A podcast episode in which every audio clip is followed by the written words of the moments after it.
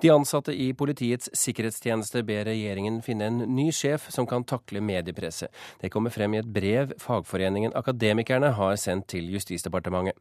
Tidligere sjef Janne Christiansen gikk av i januar etter at hun offentliggjorde gradert informasjon under en høring på Stortinget.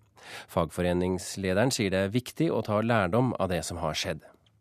Det var VG som oppdaget at PST-sjefen fortalte mer enn hun burde under stortingshøringen i januar.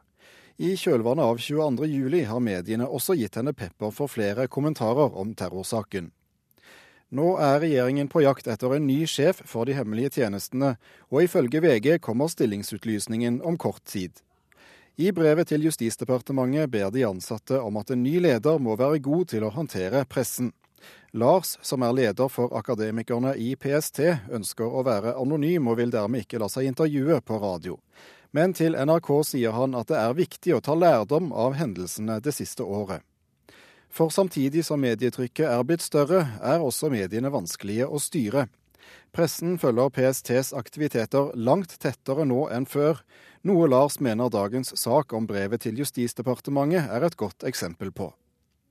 Han innser at en PST-sjef har en krevende oppgave som må greie å turnere samfunnssikkerhet, personvern og åpenhet i mediene på en god måte.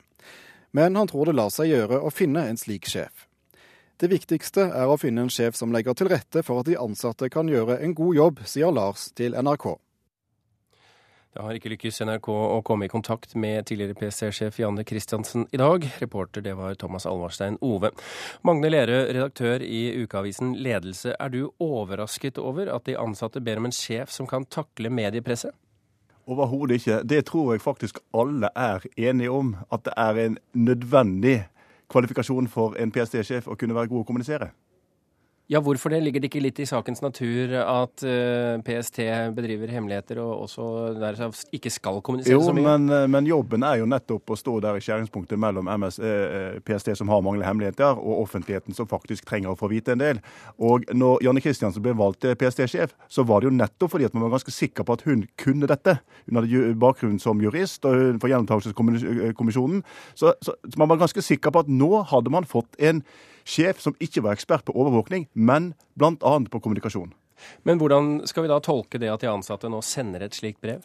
Fordi de har sett at eh, Janne Kristiansen ikke har lykkes med å kommunisere til mediene. Og så minner de om igjen at dette her er det aller viktigste. Så vi må ikke oppleve det vi nå har opplevd. Og det er delvis eh, det er noe Janne Kristiansens feil, det kan være medienes feil. Og så er det en ekstremt vanskelig situasjon hun har havnet opp i. Og selv den beste kommunikator kan det gå litt i floke for når man skal ta stilling til alle de vanskelige spørsmålene som hun nå fikk.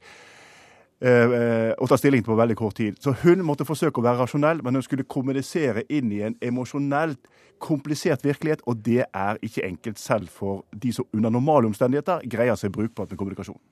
Harald Stanghelle, politisk redaktør i Aftenposten. Hva slags signal gir dette brevet, slik du ser det?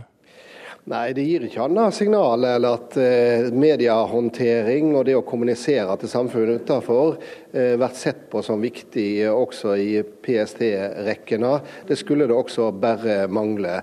Men det er nesten uro å vite hvem som fungerer i den mest dramatiske og pressa situasjonen, eh, og hvem som har problemer med å gjøre det. Eh, og Vi har sett mange dømme på på um, kriser som eh, har vært håndtert av mennesker uten eh, lang medieerfaring, men det har gått veldig bra.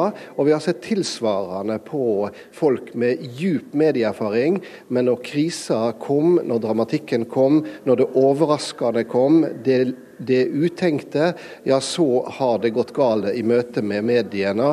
Og det er sant som Magne Lerøe sier, det kan skyldes den enkelte, men det kan også skyldes vår mediale egendynamikk som presser folk opp mot, uh, mot veggen. Men, men, gjør ikke dette det eh, nesten klin umulig å finne en person uh, til å ta den jobben som PST-sjef? Nei, det gjør det ikke. fordi at uh, En forutsetning for en PST-sjef er at det må være en som i utgangspunktet ikke er redd for mediene, og en som har fått høve til å vise seg fram i mediene før henne eller han tiltrer.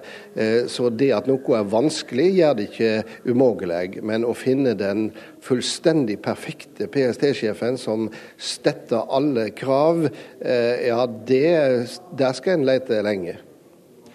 Lerøe, hvordan var Janne Kristiansens evner til å takle mediene, hvis vi ser bort fra liksom akkurat det siste som gjorde at hun måtte gå? Men det var jo ingen som altså Før hun ble ansatt, så anså vi henne for en som nettopp kunne kommunisere at hun hadde bestått prøven.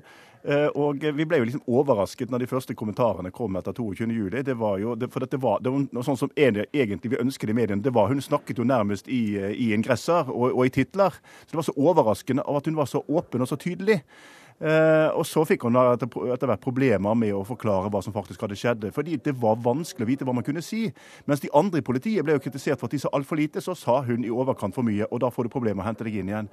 Og så er det én ting som jeg tror betyr veldig mye. Når du lever i et konstant press, emosjonelt sterkt press, du føler at du har både mediene og store deler av politiske livet mot deg så, så, så, blir du rett og slett ganske sliten. Og du, du vet ikke helt hvordan du, blir, hvordan du vil reagere når du, når du, som leder står, for, står under et så hardt press måned etter måned. Da er det lett å gjøre feil.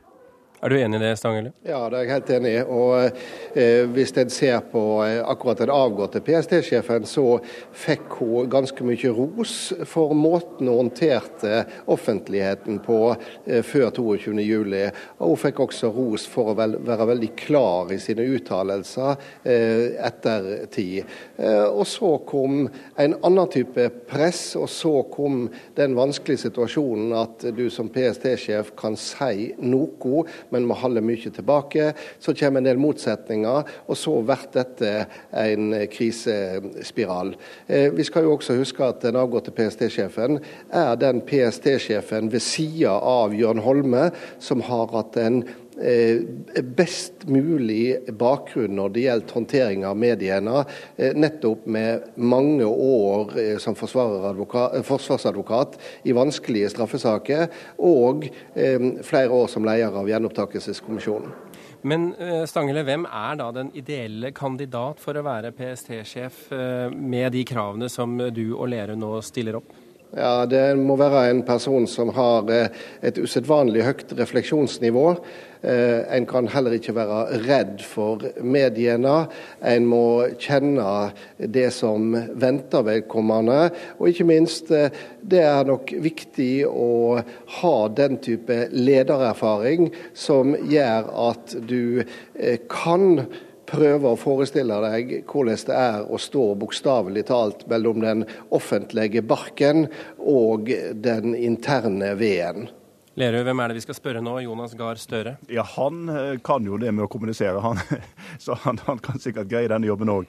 Men det som jeg var mest overrasket over nå, eh, i dette brevet fra de ansatte, det var at ikke det står øverst på lista at han eller, han eller hun bør ha erfaring fra politiet. At de så, å si sjøl har eh, erfaring med å ligge i buskene. Altså Det var ikke dette her de da prioriterer øverst. Det kom jo noen signaler på at nå har vi hatt to som ikke har kommet liksom, fra politiets egne rekker.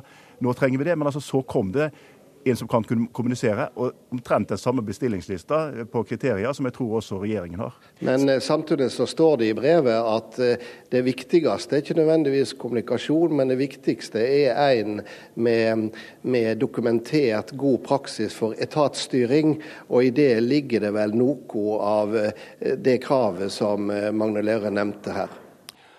Det var, eh, Da sier vi takk til deg, Harald Stanghelle og Magne Lerøe, for at dere kunne være med i Kulturnytt.